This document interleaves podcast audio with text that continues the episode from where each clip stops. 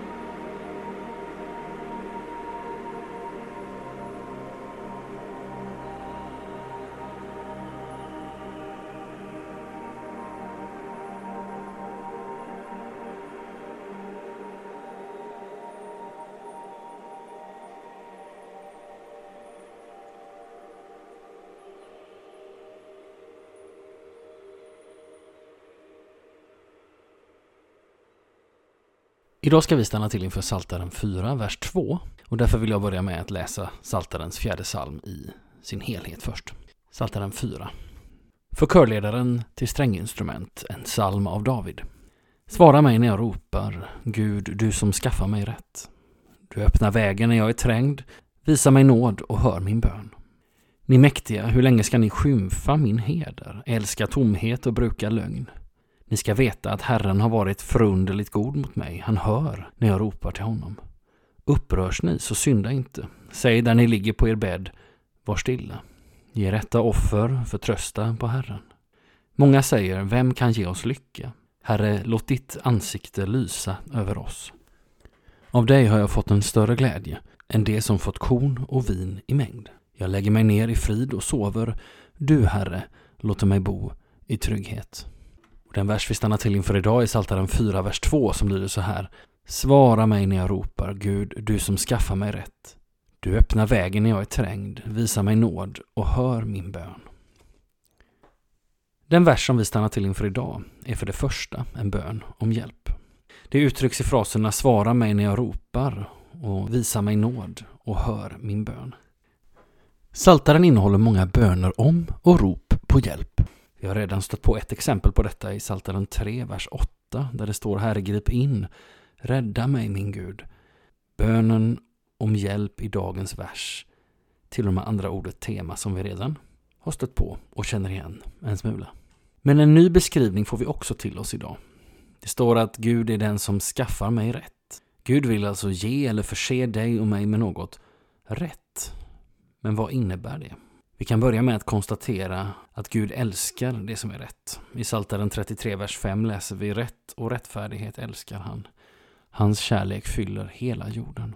Också det motsatta är sant om Gud, att han avskyr det som är orätt och falskt. Till exempel läser vi att Herren avskyr den som är falsk, men det rättrådiga har hans vänskap. Ordspråksboken 3, vers 32. Det som Gud älskar vill han också att hans barn ska ha del av. Och eftersom Gud älskar det som är rätt vill han att också du och jag ska få del av det. Utifrån uttrycket i dagens vers att Gud skaffar mig rätt kan vi dessutom sluta oss till att han inte bara passivt erbjuder rätten utan han är aktiv i att den ska bli vår. Han skaffar den åt oss. Uttrycket att Gud skaffar mig rätt återfinns på ett par andra ställen i Guds ord. Profeten Jesaja uttalar att han som skaffar mig rätt är nära. Jesaja 50, vers 8. Och profeten Mika att han tar sig an min sak och skaffar mig rätt. Mika 7, vers 9. Utifrån de versernas sammanhang kan vi ana att Guds rättsskaffande har att göra med både livet här och nu och med det liv som väntar hans barn efter detta livet i evigheten hos honom. Annorlunda uttryckt, Guds omsorg om oss, som tar sig uttryck i att han är aktiv, handlar om både det liv som du och jag lever här och nu och om det liv som han erbjuder oss att få del av. Dagens vers talar också om att Herren öppnar vägen när jag är trängd. Det finns många situationer som vi kan vara i där vi upplever oss trängda. Också i det sammanhanget har Gud ett dubbelt perspektiv i sin omsorg om oss. Både detta livet och det liv som kommer sedan. En människa kan vara trängd i en viss situation i livet här och nu. Av till exempel människor eller sammanhang. Varje människa som upplever det har fått ett löfte av Gud om en väg framåt. Det visar dagens vers. Han öppnar vägen när vi är trängda. Men sedan kan en människa också känna sig trängd inför att livet har ett slut och inför att någon en dag ska ransaka mig och det liv jag levt. Minnet av mina egna tankar, ord och gärningar gör sig påminda och tränger sig på mig. Men också då har Gud öppnat en väg. Han har blivit människa i Jesus Kristus som gett sitt liv för oss och som säger om sig själv Jag är vägen, sanningen och livet. Ingen kommer till Fadern utom genom mig. Han öppnar vägen när jag är trängd. Låt oss be. Så tackar jag dig min Gud och Fader för din omsorg om mig, som är verksam både den här dagen och stunden och inför hela den evighet som du ensam känner, men som du bjuder in mig och alla människor till. Jag tackar dig också käre far för att du har öppnat en väg för mig. Du ser och vet om precis vad det är som tränger mig. Hjälp mig att ha blicken fäst på dig och se din väg, idag och alla dagar. I Jesu namn. Amen.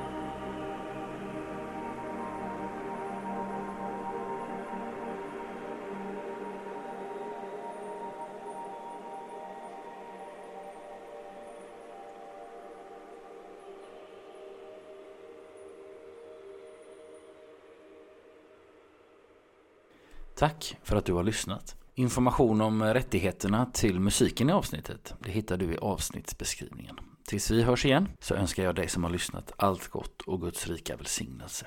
Hej då!